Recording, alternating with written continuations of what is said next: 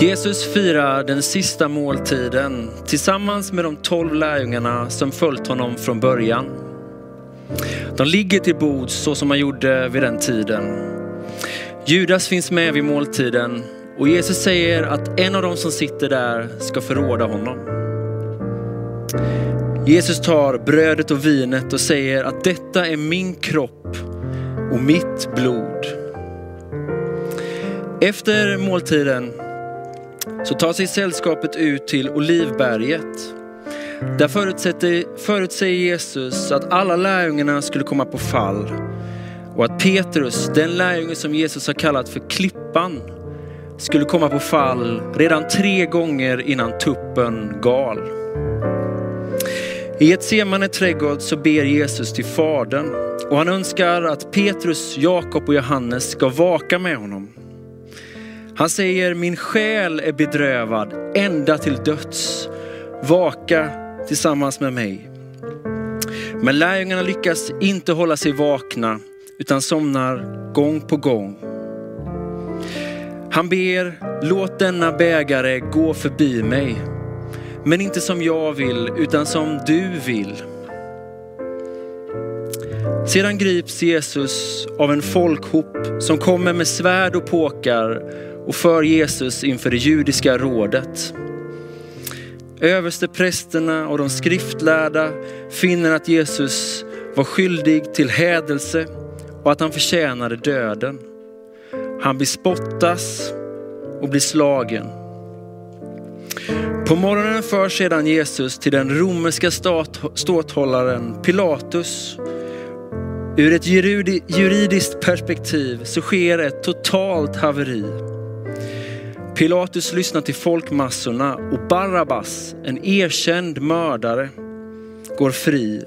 Medan Jesus som är oskyldig döms till att dö en fruktansvärd död.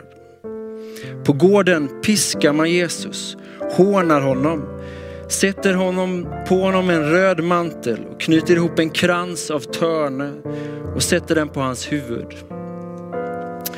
Därefter börjar Jesu vandring från Pilatus residens till Golgata, det man brukar kalla för Via Dolorosa, smärtans väg. Man finner en man som var på fel plats vid fel tidpunkt. Simon från Kyrene. Han får delta i spektaklet och soldaterna tvingar honom att bära korsbalken åt Jesus. Sedan kommer de till Golgata, den platsen som kallas för skallen. Enligt de judiska renhetslagarna så är skelettdelarna orena och skallen sågs som mest oren. Jesus dör på en rituellt oren plats. Klockan nio på morgonen den tredje timmen korsfäster de Jesus och bödlarna kastar loss lott om hans kläder. Precis som det står i psalm 22 och vers 19. De delar mina plagg emellan sig, de kastar lott om mina kläder. Och sedan börjar hånandet och smädelserna som kastas i Jesus ansikte. Nu får han stiga ner från korset så att vi kan se det och tro på honom. Andra har han hjälpt, men sig själv kan han inte hjälpa. Till och med de två rövarna som hänger på varsin sida om Jesus skymfar honom. Klockan 12 så faller ett mörker över hela jorden. Ett mörker som åtminstone får de som hånar honom att tysta och det varar i tre timmar. Klockan tre på eftermiddagen så ropar Jesus orden från psalm 22. Min Gud, min Gud, varför har du övergivit mig? Men de som står och lyssnar på honom tror att han ropar på Elia. Men inget är mer tydligt än att Jesu liv slutar på ett helt annat sätt än Elias. Profeten Elia hämtade Gud hem i hästvagn av eld. Medan Jesus dör avklädd, slagen, hånad, övergiven av sina närmaste på en oren plats. Och en människa, inte Gud, bär ner hans kropp från korset. När Jesus till slut ger upp andan så brister förhänget i templet. Det som avskilde det allra heligaste. Och den romerska officeren som övervakat hela korsfästelsen utbrister. Detta måste ha varit Guds son. Även om många detaljer i passionsberättelsen pekar på att Jesus sista timmar var både ensamma och hopplösa, så finns det de detaljerna som pekar åt ett annat håll. Att det faktiskt kommer en påskdag och en uppståndelse. Det märkliga mörkret som omsluter jorden och officerans höga bekännelse pekar ju åt en annan riktning. Att här inte är slutet på den här berättelsen. Efter Golgata så finns det inget mänskligt lidande, vare sig fysiskt, psykologiskt eller andligt, som inte Gud själv har erfarit. Vi får inte något enkelt svar på varför det finns så mycket lidande och död i den här världen. Eller varför Gud dröjer och oskyldiga människor drabbas. Men det är i alla fall inte ett lidande utan Gud. För långfredagen vittnar om att Gud står vid de svaga sida, skymfas med den som skymfas, lider med den som lider och gråter med den som gråter. Tuffa tider är inte ett tecken på att Gud har lämnat dig. Han finns kvar på scenen även om det inte alltid kan kännas så. Jag skulle vilja stanna upp lite vid att det är en romersk officer som kommer med de här orden i slutet. Detta måste vara Guds son.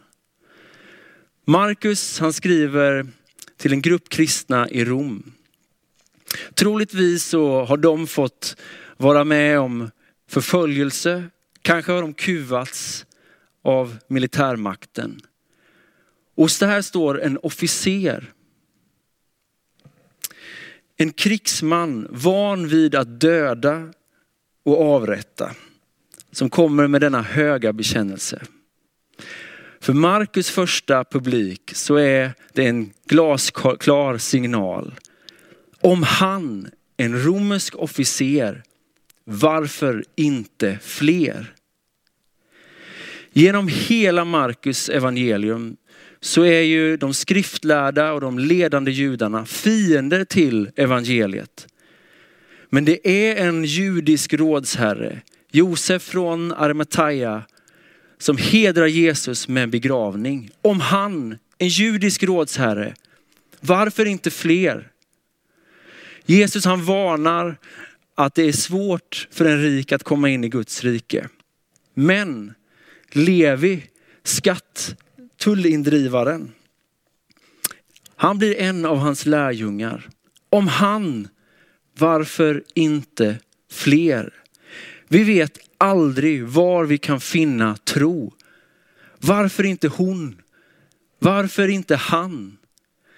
Låt oss ha den blicken när vi möter andra människor. Vi vet aldrig var vi kan finna tro.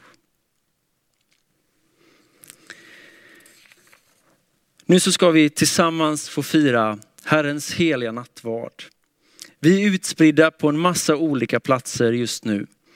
Men vi får påminna varandra om att tillsammans är vi en kropp. Vi hör ihop och när vi firar Herrens måltid så öppnas våra ögon så att vi kan se Jesus ännu tydligare. Nu ska vi ta en tyst minut för tyst bön, för rannsakan och möjlighet till bekännelse.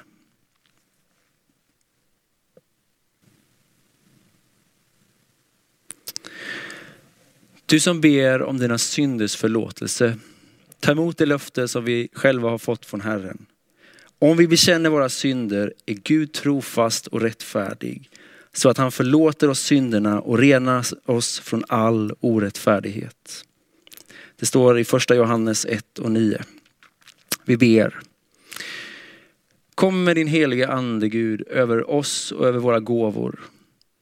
Tack att vi får fira långfredagen Herre. Vi får minnas det du gjorde på korset för oss. Att du tog våra synder på dig Herre. Att vi får stå rena, tvättade inför dig Herre. Tack Jesus att du har kraft att förändra varje situation Herre.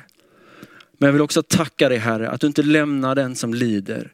Du lämnar inte den som skymfas. Du lämnar inte den som förföljs.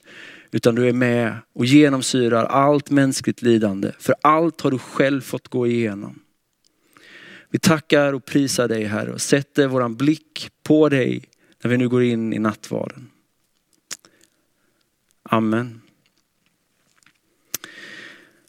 Den natten då Herren Jesus blev förrådd tog han ett bröd, tackade Gud, bröt det och sa, detta är min kropp som offras för er. Gör detta till minne av mig. Likaså tog han bägaren efter måltiden och sa, denna bägaren är det nya förbundet genom mitt blod. Var gång ni dricker av den, gör det till minne av mig.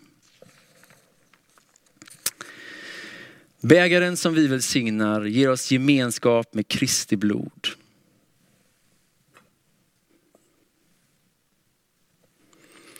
Och brödet som vi bryter ger oss gemenskap med Kristi kropp. Eftersom brödet är ett enda är vi, fast många, en enda kropp. Alla får vi del av ett och samma bröd. Under den här sången som vi spelar nu så får ni helt enkelt, ni som är med och delar den här nattvarden, tjäna varandra eller ta del av gåvorna själva. Så som du har förberett i ditt hem. Kristi blod är för dig utgjutet och Kristi kropp är för dig utgiven. Jag vill rikta ett tack till dig som har varit med och firat den här långfredagsgudstjänsten tillsammans med oss. Och så vill jag påminna dig om att om du har möjlighet så är du varmt välkommen till vår nattvardspromenad runt kyrkan idag som är mellan klockan 12 och klockan 1. Men innan du klickar bort så skulle jag tillsammans med dig vilja be Herrens välsignelse. Herren välsigne oss och bevara oss. Herren låter sitt ansikte lysa över oss och vara oss nådig. Herren vänder sitt ansikte till oss och ger oss av sin frid. I Faderns, Sonens och den heliga Andes namn. Amen.